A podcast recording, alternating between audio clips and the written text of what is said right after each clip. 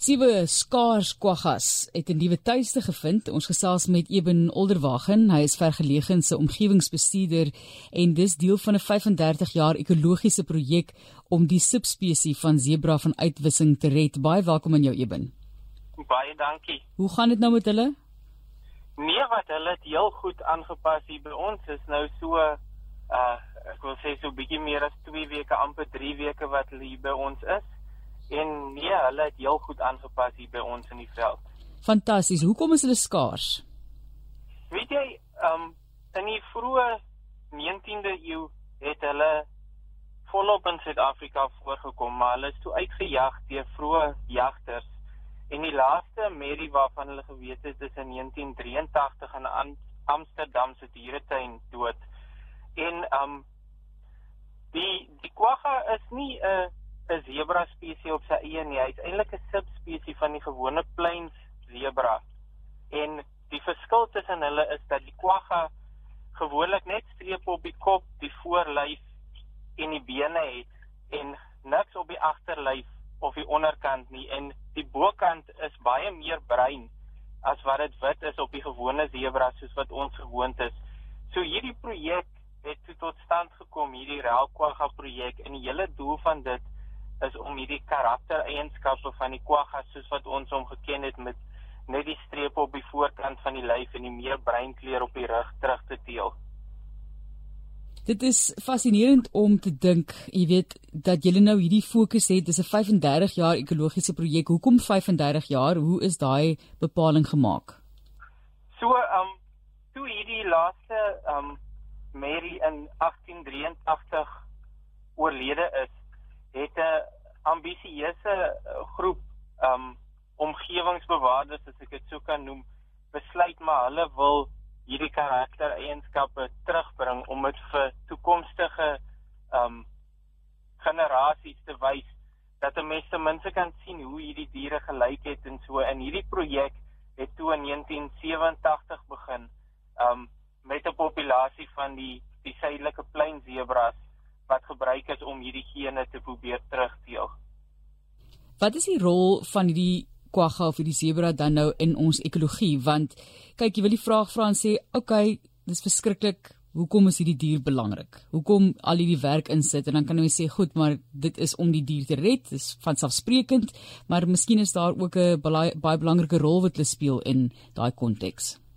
Ja, so so histories buite die sebras het ander groot herbivoor spesies ook um in die Weskaap en in die fynbos omgewing wat ons hier in die Weskaap het voorgekom.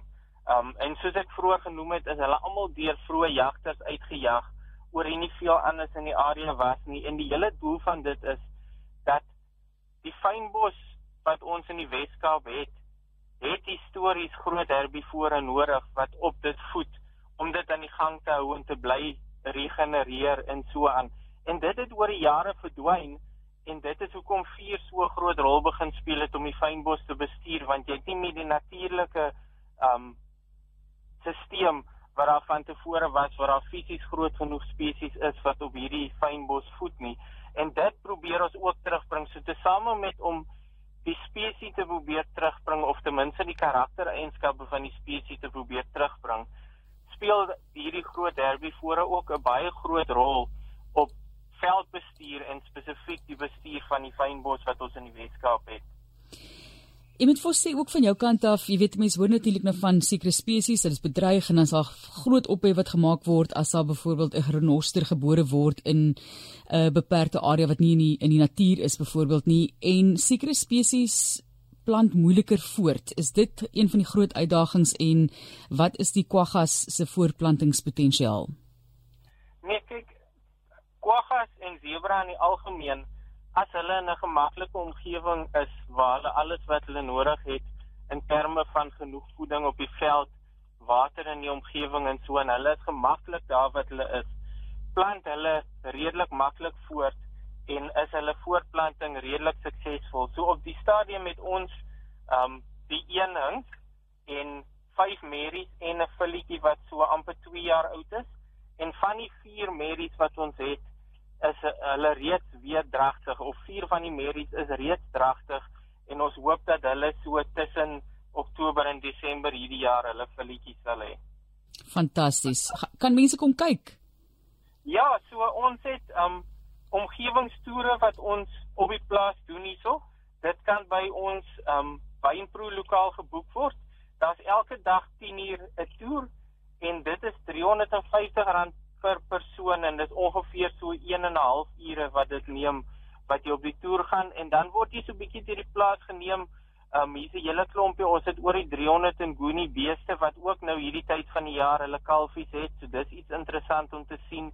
Ons het bontebok op die plaas wat besigtig word op hierdie toer en dan natuurlik ook in die groot wildskamp uh die vyf eland wat ons het en dan nou die die kwagga wat in die wildskamp is. Wat beplan julle nog? Ek weet julle is baie bedrywig, baie ook is in terme van flora baie bedrywig op die plaas. Is daar iets wat vir jou opwindend of opgewonde maak oor die toekoms met die werk wat jy doen? Ja, so so die groot ding wat ons nou um op hierdie stadium wil ek amper sê nou net klaar gemaak het of die huidige groot ding was uit die wildkamp wat tot stand gekom het met die met die um eland en die kwagga nou in dit. So die kwagga is klaar in die teel. Die eland wat in die wildkamp is was deel van 'n ander studente projek gewees genaamd die Ganto projek en dit is spesifiek op waarvan ek net nou 'n um, melding gemaak het die die waarde van groot herbivoor spesies op die plante groei en die volgende stap met dit nou is om met die eland ook te begin uitbrei en te begin teel. So ons is van plan om nuwe jong wil by die eland in te bring om dan nou met die koeie te teel en sodoende daardie getalle ook 'n bietjie op te tel. Verder is ons gedurig deur um, met ons uitheemse se plante beheer besig daardie projek wat in 2018 voltooi is en ons dit nou net um bly bestuur en in tome om te verseker dat dit nie weer terugkom nie.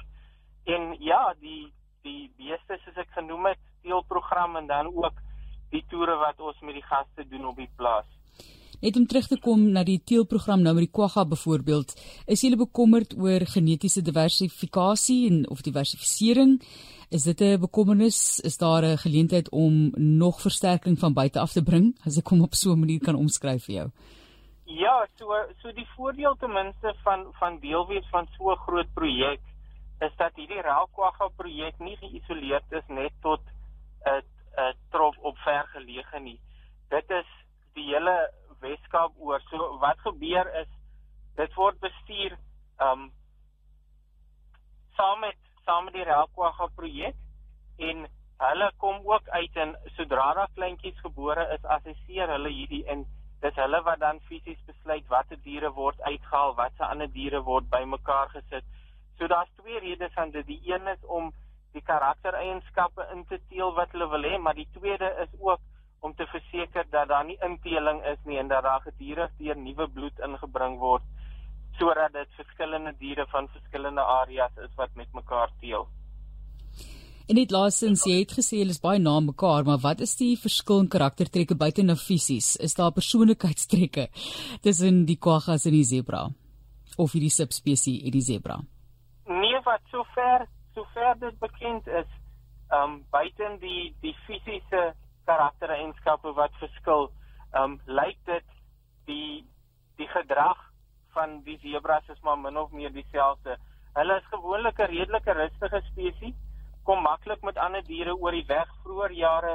Ehm um, sou mense hulle veral saam met volstruis en ook wilde beeste in groot groepe gesien het. Hier by ons op die plaas het ons dit dadelik agtergekom want hulle het sommer onmiddellik met die eland wat reeds op die plaas is gemeng en baie kere loop hulle sommer saam in 'n groot groep um bymekaar. So hulle lyk redelik sosiaal. Um hulle kan natuurlik as hulle bedryf word redelik aggressief wees en hulle is bekend vir um skoppe uitdeel wat groot skade kan veroorsaak en indien nodig kan hulle selfs baie keer byt ook om hulle self te verdedig. Gepraat van aggressief, is daar enige roofdiere wat vir hulle gevaar inhou in daai area? Nee so ehm um, roofdiere wat ons optel nou en dan sien en dan het ons ook kameras in die veld wat diere optel.